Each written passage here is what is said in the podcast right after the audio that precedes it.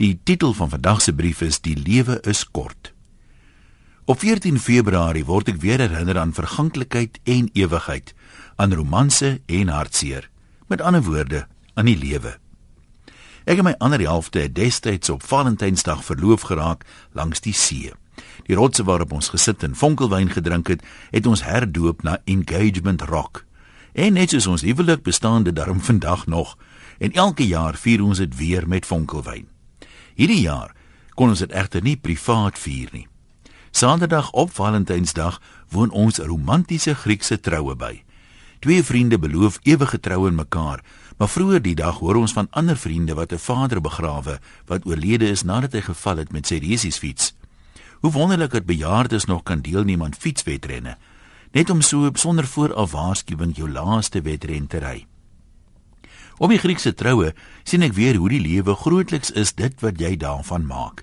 Die bruid se pa het pas kanker oorwin nadat almal 'n jaar gelede die ergste gevrees het. Uit dankbaarheid vra hulle die gaste om in plaas van trougeskenke liewer 'n donasie aan Kansa te gee. Ek weet nie of jy al by 'n Griekse huwelikseremonie was nie, maar dit verskil nogal radikaal van enige iets wat ek al ooit in 'n Afrikaanse kerk gesien het. Die seremonie is gevul met simboliek en daar moet 'n predikant sy sing ken. Daar is sommer twee van hulle wat saam hulle ding doen en lang dele van die seremonie word in Gregorian chant styl gesing. Die onthaal vind plaas op 'n wildsplaas langs 'n leeukamp.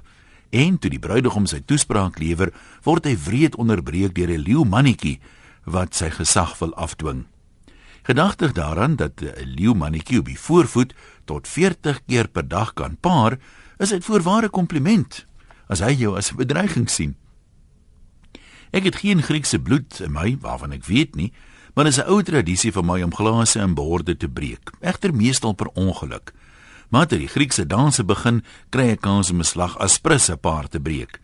Dit het my laat dink aan graffiti wat ek lank terug op 'n muur gesien het. Destruction is the only true form of creation. Later wemel die dansvloer van lywe wat ritmies beweeg en die partytjie kry 'n lewe van sy eie. Buite brand die boma vreugde vure hoog en vriende en familie wat mekaar lanklaas gesien het gesels land en sand onder die sterrehemel terwyl hulle sigare rook. Later word 'n treintjie op die dansvloer gevorm en toe ek sien wie dit lei, moet ek 'n traan wegsluk, een van bewondering.